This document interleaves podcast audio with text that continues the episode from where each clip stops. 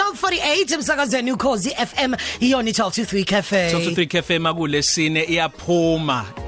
Iphume eningizimu Afrika siyobheka ukuthi kwenzakalani kwamanye amazwe. Sasikuphi konje ngesonto elidlule? Last week we say USA's dog New York New York. Oh yes. Kuloko ke ngoba sazi ukuthi Africa month and say Gold Africa month kusasa. Sithi indaba singabesane size la eSwaziland hey now? Kunjalo ungokwamashu khona la eThekwini kodwa ke ngokuhlala useswazini njengamanje kuyintokozo kuthina ukuthi sibingelele kuyena usithembiso Shona. Sabona wesithe?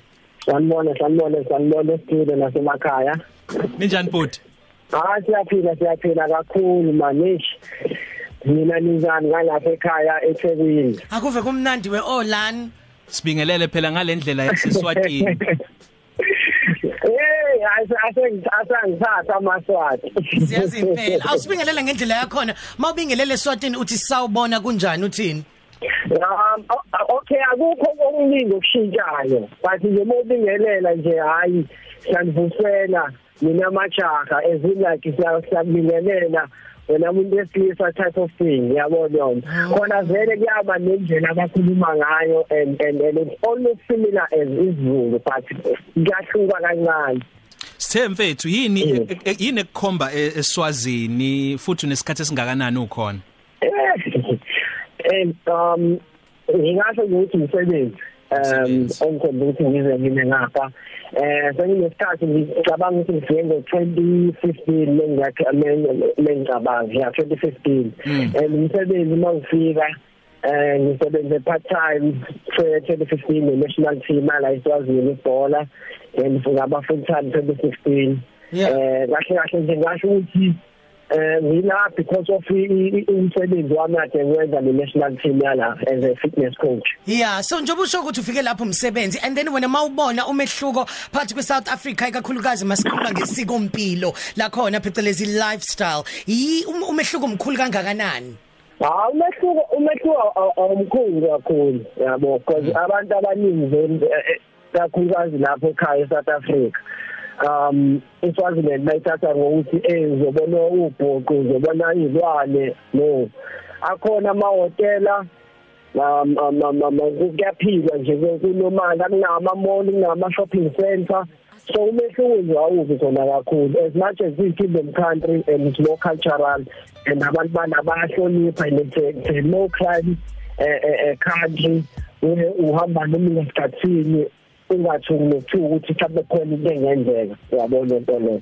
So nje kona nje umehluko awubi khona kakhulu ngaleyo ndlela because vele izinto ezikhona eSouth Africa nala eSwaziland zikhona Awusitshele mfethu iSwaziland liyizwe la khona ubukhosi budlala indawo enkulu njengezwe lamangisi awusitshele ukuthi leyo nto nokuyiphatha kwabantu nokwazisa ubukhosi baseswatini kuyinto ekangakanani nokusebenzisana phakathi kobukhosi nohulumeni?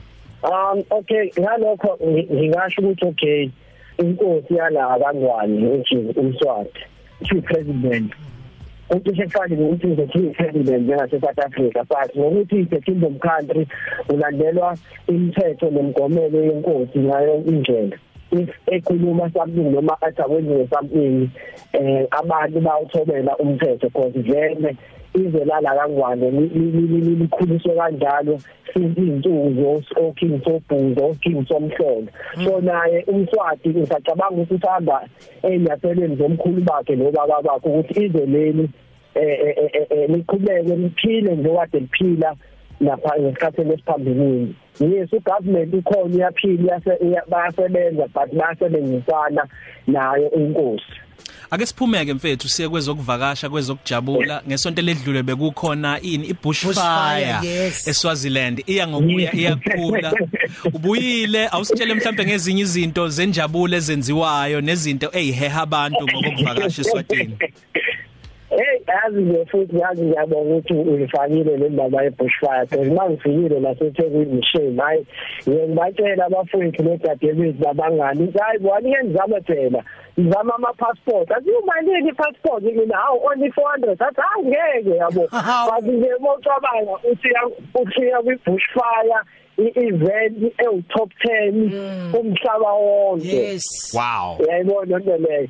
So nje ngalo mbuzo usho ngishilo ngile kwi bushfire bekumnandi eh it's a it's a it's a, it's a whole weekend event and and and ngicela wonke ama artists engawacabanga eAfrica Yeah. uh, afika azoperforma eh kuba mnandi kuyadliwa abanye bayakhempa khona nje amanye nje ama celebrity engiwabonile nje akuthi baye ngisabasha amagama engiwabonile khona kanjani ngajabula athi mahawu hey omkhaya bami manje abasethekwini yabo.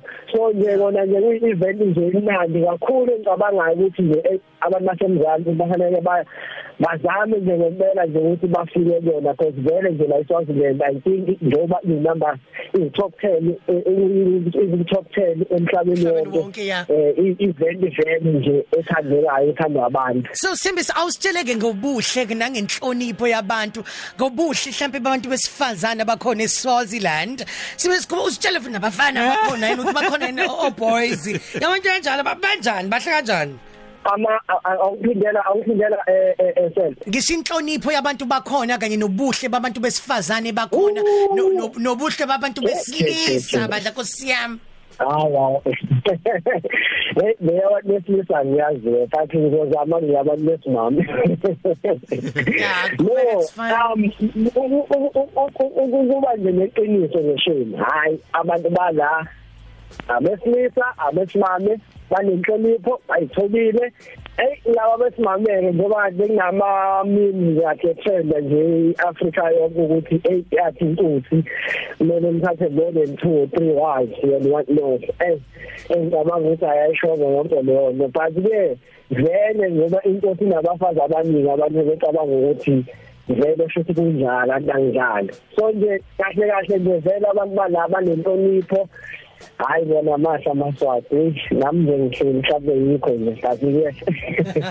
Sithe siyabonga kakhulu mfethu bemnandi kakhulu ukuthi sixoxe nawe sazise kabanzi ngeSwazini. Salisubuza phela inomb- inombolo kaSenzo waseSwazini uSenzo. Yes angiyazi senze zomthola kanjani Zomthola kanjani? zomthola komunye umuntu oseduzane imanager yakhe bye Steph Angibongile kakhulu libe right lapho phakathi eThekwini eGagasini. Ngizombona nje soon soon soon Sharp, siyabonga 12 kakhulu. to 3 noSiyano Selbionze ku Khosi FM